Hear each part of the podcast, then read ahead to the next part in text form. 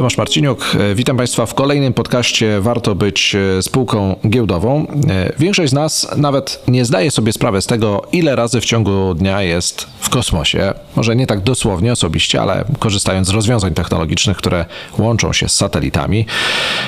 Dla niektórych to kosmos, ale my dziś porozmawiamy z osobą, która na pewno twardo stąpa po Ziemi. Za to dzięki projektom firmy, na czele której stoi, kosmos jest bliżej niż nam się wydaje. Moim rozmówcą jest doktor habilitowany Grzegorz Brona, prezes zarządu spółki Kreotech Instrument SA. Dzień dobry, panie prezesie. E, dzień dobry panu, e, dzień dobry państwu. E, panie prezesie, nie mogę nie poprosić na wstępie o rozwinięcie tego wątku, od którego zacząłem. Ile rozwiązań w naszym codziennym życiu jest możliwych dzięki temu właśnie, że mamy łączność z satelitami? Och, tych rozwiązań jest rzeczywiście bardzo, bardzo wiele.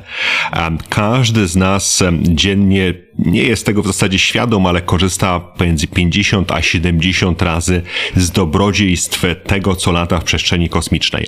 E, bo są to e, na przykład dane związane z nawigacją, GPS czy europejski, europejska sieć Galileo. E, każdy z nas korzystając z telefonu komórkowego, znajdując najlepszą trasę z punktu A do punktu B, korzysta z danych satelitarnych.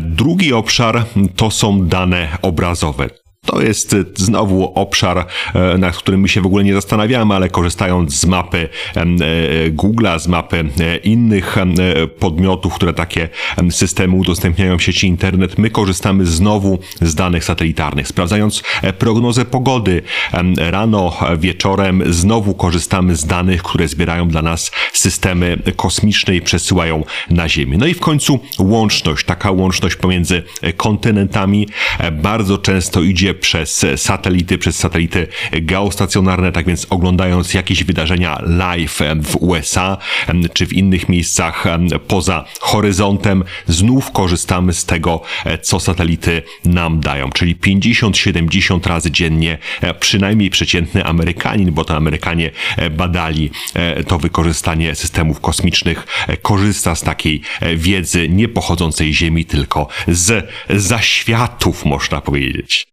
No i teraz jak myślimy o tych wszystkich e, skomplikowanych i nowoczesnych technologiach, to mamy wrażenie, że jest to zarezerwowane tylko dla e, najbogatszych, największych. Tymczasem państwa firma jest przykładem, że Polska ma w tym obszarze e, wiele i pewnie będzie mieć coraz więcej do powiedzenia. Polska w 2012 roku e, przystąpiła do Europejskiej Agencji Kosmicznej. Był to taki zerowy rok rozwoju polskiej branży kosmicznej. Wcześniej oczywiście były jakieś pojedyncze projekty, e, byli naukowcy z Centrum Badań Kosmicznych, e, którzy uczestniczyli w wielu, wielu projektach, no najpierw radzieckich, potem europejskich, włączali się w też współpracę z NASA. Natomiast od 2012 roku Polska jest członkiem Europejskiej Agencji Kosmicznej płacimy składkę w ramach tej organizacji, no i polskie podmioty mogą pozyskiwać kontrakty z tejże agencji, a za tymi kontraktami płynie olbrzymia wiedza, bo to nie tylko agencja przyznaje kontrakt, agencja przyznaje również specjalistów, którzy współprowadzą projekty w Polsce, no nie tylko rozliczają polskie podmioty, ale wręcz pomagają polskim podmiotom zdobyć te sprawności, szlify związane z rynkiem kosmicznym. Od 2000 2012 roku w Polsce zrealizowano ponad 300 e, programów i projektów kosmicznych. Część oczywiście to byli naukowcy, część uniwersytety, e, ale znaczna część to były e, firmy prywatne, które od tego 2012 roku pojawiły się na rynku. No a Creotech Instruments chyba był jedną z pierwszych takich firm, no bo w 2012 roku to był również nasz rok zerowy. Wystartowaliśmy spółkę z myślą o tym, żeby być dostawcą rozwiązań na rynek kosmiczny, najpierw rynek Europejskiej Agencji Kosmicznej, a teraz już coraz bardziej również rynek prywatny. Pan już wspomniał o tej składce do e, Europejskiej Agencji Kosmicznej. Ona w ostatnim czasie uległa e, wyraźnemu zwiększeniu. E, proszę powiedzieć, jakie to ma znaczenie dla właśnie polskiej branży i dla takich spółek jak Kreotech?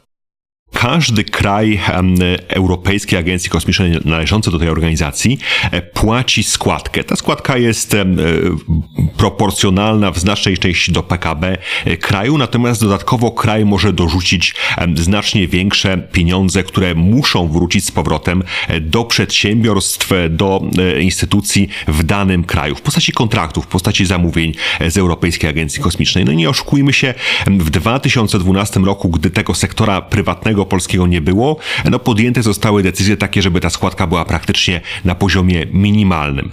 Za te pieniądze nie dało się zrobić dużych projektów kosmicznych w Polsce, nie dało się tej wiedzy pozyskać w Polsce poprzez realizację takich projektów dla Europejskiej Agencji Kosmicznej. Były to de facto dostawy podsystemów, niewielkich czujników, niewielkich, niewielkich systemów elektronicznych, niewielkich systemów mechanicznych. No i po raz pierwszy e, to się zmieniło od tego w sumie roku, e, bo od tego roku składka Polski urosła kilkukrotnie do kwoty kilkudziesięciu milionów euro rocznie. I to są już fundusze wystarczające do tego, żeby Europejska Agencja Kosmiczna zleciła Polsce dostawę dużych, ambitnych systemów, w tym systemów całych satelitów, e, w tym dużych podsystemów e, rakietowych, no i dużych systemów związanych z przetwarzaniem e, danych satelitarnych. Takie projekty pozwalają polskim firmom rozwinąć się, pozwalają przetransferować know-how z Europejskiej Agencji Kosmicznej na znacznie wyższym poziomie, a tym samym również obsłużyć w przyszłości rynek prywatny poza Europejską Agencją Kosmiczną. W listopadzie ubiegłego roku dowiedzieliśmy się, że Creotech został liderem konsorcjum, które zaprojektuje misję mapowania Księżyca. E, jedno pytanie, na które szukamy odpowiedzi, daje nazwa projektu Twardowski. Jak rozumiem, sprawdzimy, czy rzeczywiście ten e, pan Twardowski, którego słynne lustro znajduje się niedaleko moich rodzinnych stron w Węgrowie, przebywa wciąż na Księżycu, ale tak na poważnie, e, co pozwoli nam rozstrzygnąć ta misja?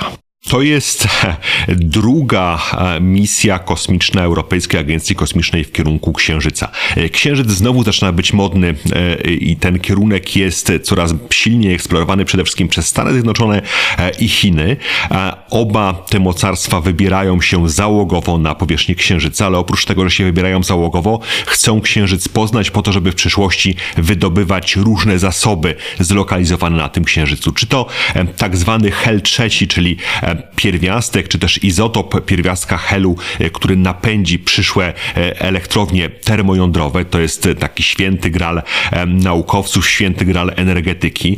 Pewnie wydarzy się to około roku 2050, bo wtedy technologicznie będziemy w stanie ten pierwiastek wykorzystać. Czy to pozyskujące pierwiastki, na przykład ziem rzadkich, potrzebne do wytwarzania elektroniki użytkowej. Tych pierwiastków ziem rzadkich na Ziemi jest bardzo niewiele. Na Księżycu one się znajdują i to w znacznej znacznej mierze na powierzchni. Stąd takie duże zainteresowanie tych ogromnych mocarstw Stanów Zjednoczonych, Chin, pewnie też Indii i pewnie też Rosja coraz śmielej ponownie patrzy w, kierunek, w kierunku Księżyca. No i do tego e, grona chce dołączyć Unia Europejska, chce dołączyć Europejska Agencja Kosmiczna z niezależnym programem księżycowym. Tak jak powiedziałem, e, Europejska Agencja Kosmiczna już jeden statek w kierunku Księżyca wysłała. Była, było to niespełna 20 lat temu, to była taka misja Smart 1, zakończyła się dużym sukcesem. No i ta kolejna misja e, będzie opracowywana w tej chwili, no a Kreotech został liderem e, konsorcjum, które ma przedstawić plan jej realizacji. W ramach tej misji e, znowu będziemy poszukiwać pierwiastków, będziemy próbowali dokonać, wykonać mapę Księżyca, tak żeby zobaczyć, powiedzieć, w których miejscach Księżyca dane pierwiastki występują, tak żeby przyszłe misje już eksploracyjne, które te pierwiastki będą pozyskiwały, wiedziały, gdzie dokładnie lądować. Dla nas jest to e, duży sukces, bo to by była druga europejska misja e, na Księżyc e, w historii. I obok tego Kreotech jest no właśnie tą polską firmą, która już nie tylko będzie dostarczycielem, tak jak pan powiedział, w pierwszych latach tak było, podzespołów, elementów i tak dalej, ale też państwo jesteście tą spółką, która pierwsza tworzy większych satelitów. Tak, w 2024 roku, mniej więcej w połowie e, tego roku, będziemy testować cały system satelitarny na orbicie. E, to jest system satelitarny przeznaczony do przenoszenia satelitów rzędu 60 do 100 powiedzmy kilogramów, czyli taki system klasy średniej. Nie chcemy konkurować z dużymi podmiotami typu Airbus, e, Thales Alenia Space czy Raytheon, które to podmioty dostarczają głównie bardzo duże satelity kilkuset kilogramowe, tonowe.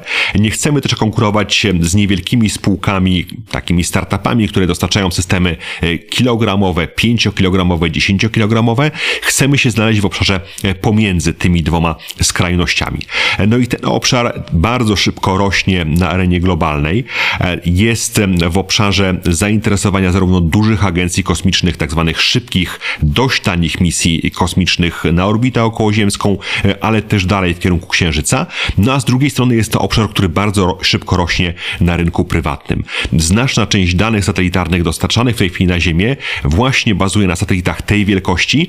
E, mówi się, a właściwie nie mówi się, ale są dane e, twarde, statystyczne, które pokazują, że do 2030 roku mniej więcej tysiąc satelitów tego typu będzie się wysyłało w przestrzeń e, kosmiczną każdego roku, co daje nam możliwość ugryzienia odpowiedniego kawałka tego dużego i bardzo szybko rosnącego tortu. Panie prezydencie, a jak to się robi? Bo oczywiście e, o tym czynniku ludzkim, który jest niezwykle istotny, e, za chwilę porozmawiamy, e, ale z tego co wiem, to też bardzo specyficzne warunki i te inwestycje infrastrukturalne, które Państwo czynicie, to też jest dostosowanie do znowu wyśrubowanych warunków i konieczności, aby tego typu przedsięwzięcia realizować. To jest bardzo długi proces. E, myśmy rozpoczęli go w 2012 roku, czyli 11 lat temu, z dość jasnym przeświadczeniem, że w ciągu 10, maksymalnie kilkunastu lat chcemy być w stanie dostarczać na rynek kompletne satelity. E, oczywiście od 2012 roku musieliśmy się bardzo dużo nauczyć. W znacznej mierze pomogła nam Europejska Agencja Kosmiczna, z której czerpaliśmy know-how. E, uczyliśmy się od tych najprostszych umiejętności, umiejętności, w jaki sposób montować elektronikę na płytach, która potem leci w przestrzeń kosmiczną, tak żeby przetrwała te bardzo, bardzo trudne warunki próżni, dużych wahań temperatur, e, promieniowania kosmicznego. Uczyliśmy się następnie, w jaki sposób projektować takie systemy, e, w jaki sposób pisać oprogramowanie, które będzie niezawodne w trakcie misji kosmicznych, więc w ciągu tych 10 lat można powiedzieć, że sprawność harcerska po sprawności no, budowaliśmy odpowiednią kulę śnieżną, która w tej chwili jest w stanie e, pociągnąć za sobą, można powiedzieć, całą lawinę w postaci dużych już obiektów kosmicznych e, klasy satelitarnej. Oczywiście za tym idą inwestycje infrastrukturalne we własne cleanroomy, we własne systemy produkcyjne. Wszystko to było i jest wciąż certyfikowane przez Europejską Agencję Kosmiczną e, po to, żeby pokazać, że nie tylko potrafimy coś wytworzyć, ale że to, co wytworzymy rzeczywiście w tej przestrzeni kosmicznej będzie się się sprawdzało niezawodnie w perspektywie 3, 5, 7, a czasami nawet 20 lat, bo niektóre systemy kosmiczne są projektowane na taki okres działania. Kiedy rozmawiamy o e, technologiach satelitarnych, to nie możemy też e, abstrahować od sytuacji geopolitycznej, zwłaszcza tej wojennej za naszą e, wschodnią granicą. Tam trwa pełnoskalowa wojna. Proszę powiedzieć, jak Kreotach widzi siebie w zakresie dostaw technologii, no tu chyba bardziej mikrosatelitarnych dla sektora obronnego?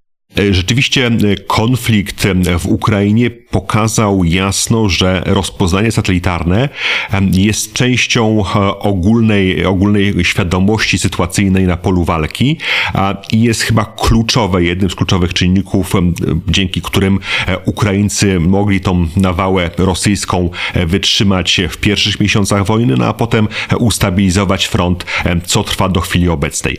Warto podkreślić, że Ukraińcy mają dostęp dostęp w tej chwili do kilkudziesięciu satelitów. E, to są albo satelity, które posiadają konkretne państwa, na przykład Stany Zjednoczone, e, albo satelity udostępnione przez firmy e, prywatne, amerykańskie, europejskie lub inne stronie ukraińskiej, gdy tymczasem Rosja posiada dostęp zaledwie do kilku satelitów własnych lub jakichś zaprzyjaźnionych mocarstw, pewnie, pewnie na przykład z Chin. Więc ta dysproporcja w przestrzeni kosmicznej jest wbrew pozorom w tej chwili na korzyść ukraińską, co bardzo, bardzo pomogło wytrzymać, tak jak powiedziałem, pierwsze miesiące wojny. To oczywiście jest związane z tym, że e, ta wojna pokazała e, jasno chyba wszystkim rządzącym w naszym kraju czy poza naszym krajem, jak ważne jest utrzymanie własnych zdolności satelitarnych. Stąd duże projekty wojskowe w Ministerstwie Obrony Narodowej. E, pierwsze dwa satelity tej klasy bardzo wysokorozdzielczej dostarczy nam firma Airbus Defence and Space. Kreotech ma nadzieję rozpocząć w najbliższym czasie kolejne etapy projektów dla Ministerstwa Obrony Narodowej dostarczenia tych synergicznych rozwiązań, trochę mniejszych, o niższej rozdzielczości, ale takich, które nad naszymi głowami będą się częściej pojawiać, bo ich liczba będzie większa, a koszt będzie również znacznie niższy w porównaniu z tymi dużymi systemami od firmy Airbus. Mamy nadzieję, że ten temat będziemy komunikować w tym roku dość, dość pokaźnie. Oczywiście polskie Ministerstwo Obrony Narodowej to nie jest jedyne ministerstwo, które jest zainteresowane takimi rozwiązaniami. Rozmawiamy w tej chwili przynajmniej z kilkoma krajami, którym oferujemy lub próbujemy pokazać zalety korzystania z naszego sprzętu, który po raz pierwszy przetestujemy, tak jak powiedziałem, w połowie tego roku. Mówiliśmy sporo o sektorze kosmicznym, ale to nie jedyny obszar e, Państwa działalności. E, drugim e, segmentem jest segment kwantowy. Jakie tutaj Państwo macie zamierzenia? Firma Creotech Instruments jest, można powiedzieć, takim kombo technologicznym, bo z jednej strony jesteśmy na świetnym rynku technologii kosmicznych, e, bardzo technologicznym i bardzo e, rozwojowym. Z drugiej strony jesteśmy na rynku technologii kwantowych, który można powiedzieć też w tej chwili jest i modny, i bardzo szybko wzrastający, bo to są technologie, które w tej chwili dopiero dochodzą do poziomu dojrzałości. 5 lat temu czy 10 lat temu byłoby to jeszcze za wcześnie, w tej chwili te technologie rzeczywiście może jeszcze nie trafiają pod strzechy, ale przynajmniej wychodzą z laboratoriów badawczych i znajdują swoje aplikacje w przemyśle. Mówimy tutaj o dwóch technologiach. Mówimy tutaj o technologii komputerów kwantowych, czyli systemów, które bardzo szybko, równolegle potrafią rozwiązywać problemy, no takie, które zwykły komputer nie jest w stanie rozwiązać w skończonym czasie. Na przykład poszukiwanie nowych leków, poszukiwanie nowych cząsteczek chemicznych, optymalizacja rynków finansowych, e, e, czy też e, optymalizacja no, takich prostych usług, jak na przykład dostawa towarów, bo tutaj zwykłe komputery również mają z tym problemy. Mm, to są technologie kwantowe, te komputery kwantowe, które pewnie trafią do użytku koło roku 2027-2030. My jesteśmy do tego przygotowani, dostarczamy w tej chwili do znacznej części laboratoriów systemy kontroli takich komputerów, a od zeszłego roku przygotowujemy razem z dużym międzynarodowym konsorcjum pierwszy duży europejski komputer kwantowy, który będzie odpowiedział na to, co robią Stany Zjednoczone, co robią Chiny. No i jest drugi obszar technologii kwantowych, technologie kwantowe związane z bezpieczną komunikacją. Ten obszar jest znacznie szybszy, bo tak jak powiedziałem o komputerach kwantowych, to są raczej lata 30., początek lat 30., tak jak technologie komunikacji kwantowej już istnieją. Od kilku lat są stosowane, no może jeszcze nie powszechnie, E, ale dość szeroko w niektórych aplikacjach, na przykład wybory w jednym z kantonów e, szwajcarskich, w kantonie WOD e, w obszarze Genewy, były kilka lat temu zabezpieczane właśnie przy pomocy szyfrowania kwantowego, czy też przy pomocy dystrybucji kluczy szyfrujących kwantowych. My w tej chwili pomagamy Komisji Europejskiej, Unii Europejskiej przygotować niezależny od Amerykanów, niezależny od Chińczyków zestaw szyfrujący, zestaw, który pozwala przesyłać takie klucze. Jest to projekt zlecony również rok temu nam przez Komisję Europejską, który zakończymy w przyszłym roku e, i będzie pierwszym bezpiecznym europejskim systemem szyfrującym na poziomie e, kwantowym. Mam nadzieję, że po 2025 roku rynek będzie na tyle dojrzały, żebyśmy ten system mogli rzeczywiście produkować już e, w liczbach hurtowych i wprowadzać przynajmniej na rynek europejski, bo tak jak przy okazji rynku kosmicznego już mówiłem, każdy z tych dużych bloków geopolitycznych chciałby mieć w tym również obszarze niezależność. To trzymamy kciuki, żeby te e, założenia udało się zrealizować. E, rozmawiamy w ramach podcastu Warto być spółką giełdową, więc e, nie mogę nie zapytać e, o to, o te kilkuletnie, od 2021 roku związki Creotech Instruments z giełdą papierów wartościowych w Warszawie. Po pierwsze, czy giełda była dla Państwa oczywistym wyborem? Giełda była na nas, dla nas dość oczywistym wyborem z e, kilku e, powodów. Bardzo chcieliśmy zostać spółką europejską, żeby móc dostarczać na rynek europejski rozwiązań technologicznych. E, po duże pieniądze od venture capital w obszarze technologicznym raczej idzie się do Stanów Zjednoczonych, czego nie chcieliśmy w tamtym okresie robić. Z drugiej strony jesteśmy spółką, która ma pierwiastek państwowy. Od 2014 roku mamy udział Agencji Rozwoju Przemysłu, spółki Skarbu Państwa, więc również dla Agencji Rozwoju Przemysłu był to oczywisty kierunek dalszego rozwoju kapitałowego spółki. Nie wyprowadzanie jest za granicę, tylko zasilanie lokalnego ekosystemu, w tym ekosystemu giełdowego. Dla nas to była też decyzja dość prosta. Chcieliśmy być pierwszą spółką tej klasy na giełdzie papierów wartościowych. Wydaje się, że już nie jesteśmy jedyną, bo druga spółka Scanway jest w tej chwili na rynku New Connect, a kolejne spółki sektora kosmicznego przygotowują się do wejścia na rynek równoległy, więc wydaje się, że oprócz tego, że udało nam się stać chyba jedną z gwiazd rynku, najpierw New Connect, a teraz rynku głównego, jeśli chodzi o spółki technologiczne, to również pociągnęliśmy za sobą, e, myślę, lawinę e, w pozytywnym sensie spółek kosmicznych i spółek technologicznych, które będą się lokować w najbliższym czasie na giełdzie i mam wrażenie i mam taką nadzieję, że giełda papierów wartościowych w Warszawie stanie się w przyszłości hubem rozwiązań kosmicznych. A jakie znaczenie e, fakt bycia spółką publiczną ma dla Państwa chociażby w kontekście relacji z wielkimi międzynarodowymi partnerami? No, nie oszukujmy się, Creotech Instruments jest wciąż spółką niewielką, jak na skalę europejską, jak na skalę globalną. Zatrudniamy mniej więcej 230 osób w tej chwili, więc co nas plasuje wśród spółek średnich. Z drugiej strony stołu, w trakcie rozmów z kontrahentami, bardzo często mamy duże podmioty zatrudniające kilkanaście, kilkadziesiąt tysięcy pracowników. Airbus Defence and Space, Thales Alenia, Thales Alenia Space, Rate Raytheon, e, Lockheed Martin e, czy inni światowi gracze. Jako spółka giełdowa, no wydaje mi się, że mamy e, prostszą metodę przekonania tych graczy po drugiej stronie stołu, że jesteśmy stabilni, że jesteśmy przejrzyści.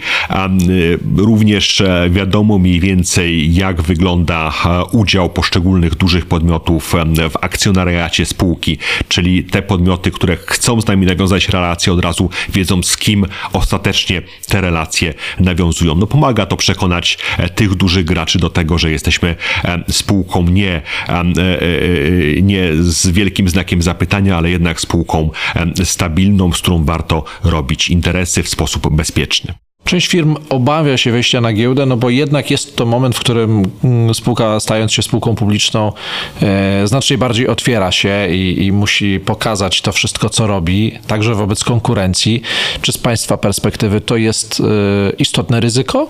Tu są właściwie dwa aspekty. Pierwszy aspekt dotyczy e, e, finansowych aspektów e, spółki. Rzeczywiście znaczna część spółek technologicznych mam wrażenie, że udała się na giełdę zbyt wcześnie, przed pokazaniem, można powiedzieć, trakcji zainteresowania produktami takiej spółki. Takie spółki giełdowe dość szybko rozczarowują swoich inwestorów, co jest dużym zagrożeniem, bo oczywiście spółki technologiczne bardzo często mają potrzebę sięgnięcia jeszcze raz i jeszcze raz e, po kolejne e, rundy finansowania.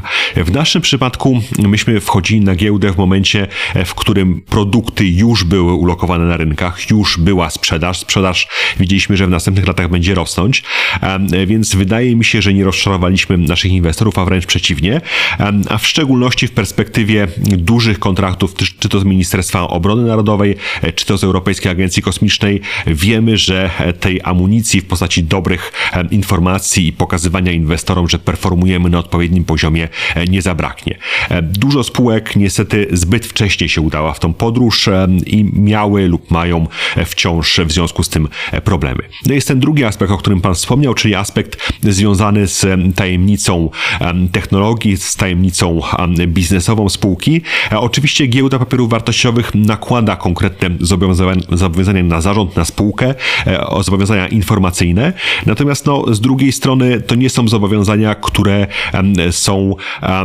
wymagają otworzenia e, technologii przed konkurencją. To nie są również zobowiązania, które wymagają powiedzenia, na jakich zasadach konkretnie e, dane projekty i dane e, programy, również biznesowe, funkcjonują. My przede wszystkim pokazujemy na giełdzie te kontrakty, które podpisujemy, no oczywiście nie wchodząc w szczegóły tych kontraktów, nie zdarzyło nam się to, żebyśmy musieli z jakichś powodów ujawniać szczegóły naszych technologii, więc no ta obawa jakby przy najmniej z perspektywy współpracy z Polską Giełdą Papierów Wartościowych nie istnieje.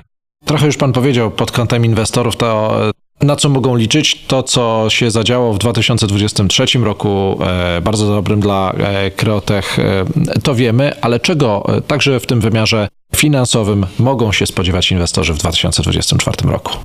Ja zawsze staram się być ostrożny. Staram się obiecywać coś, co dowieziemy w 100% lub przynajmniej 95%, więc staram się nie puszczać wozy fantazji to, e, co komunikujemy, to e, jest jasna informacja, że do, 20, do końca 2024 roku rozwijamy nasze kluczowe produkty, w szczególności na rynku satelitarnym, ale również e, na rynku kwantowym, co jest związane z dużym zapotrzebowaniem na gotówkę. To zapotrzebowanie zabezpieczyliśmy w zeszłym roku, dokonując kolejnej emisji akcji, więc takiej emisji inwestorzy raczej nie powinni się w tym roku, a wręcz można powiedzieć na pewno spodziewać w tej strukturze, która w tej chwili w Kreote funkcjonuje.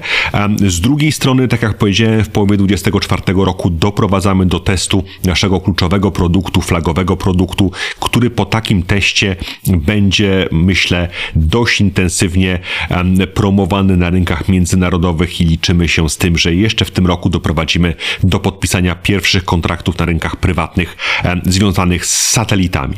No i ten aspekt związany z MONem, oczywiście pracujemy tutaj nad kolejną fazą e, projektu dla Ministerstwa Obrony Narodowej. Przygotowujemy e, ten projekt. Mam nadzieję, że on wystartuje e, w bliższej lub dalszej perspektywie, ale wciąż w tym roku. No i projekty związane z Europejską Agencją Kosmiczną, ten wzrost o czynnik kilka, kilkanaście, jeśli chodzi o środki, które mogą być wydatkowane w Polsce ze strony Europejskiej Agencji Kosmicznej, też spróbujemy zagospodarować, no co będzie takim dość istotnym przeskalowaniem się, jeśli chodzi o obroty w spółce. To ostatni wątek, bo wśród naszych słuchaczy są też zawsze menedżerowie. E, ostatni wątek, który chciałbym poruszyć, właśnie dotyczy pańskich doświadczeń menedżerskich. E, jak to jest e, z zarządzaniem i dobieraniem zespołu fachowców do tak innowacyjnej, technologicznej i wymagającej branży? A po drugie, czy na polskim rynku jest wystarczający potencjał osób, które mogą na to odpowiedzieć? Tego potencjału wystarczającego nigdy nie było, e, dlatego chylę tutaj czoła przed naszymi pracownikami, przed osobami, które dołączyły do naszej spółki w poprzednich latach, bo to są osoby, które rzeczywiście były świetne, ale nie do końca jeszcze były świetne na rynku kosmicznym czy na rynku kwantowym. To są osoby, które bardzo dużo, dużo musiały się nauczyć, wewnątrz, nauczyć wewnątrz spółki w ramach prowadzonych przez spółkę projektów i dowiodły tego, że nie tylko były świetne, świetne, ale również były w stanie e, pokazać, że są w stanie rosnąć wraz ze spółką e, bardzo, bardzo szybko. E, I to jest chyba metoda. Nie oszukujmy się, nagle się nie pojawi 5 tysięcy nowych pracowników sektora kosmicznego w Polsce, bo ich nigdy nie było. Tak? To jest proces, który potrwa najbliższe kilka, kilkanaście lat, żeby kadry przygotować.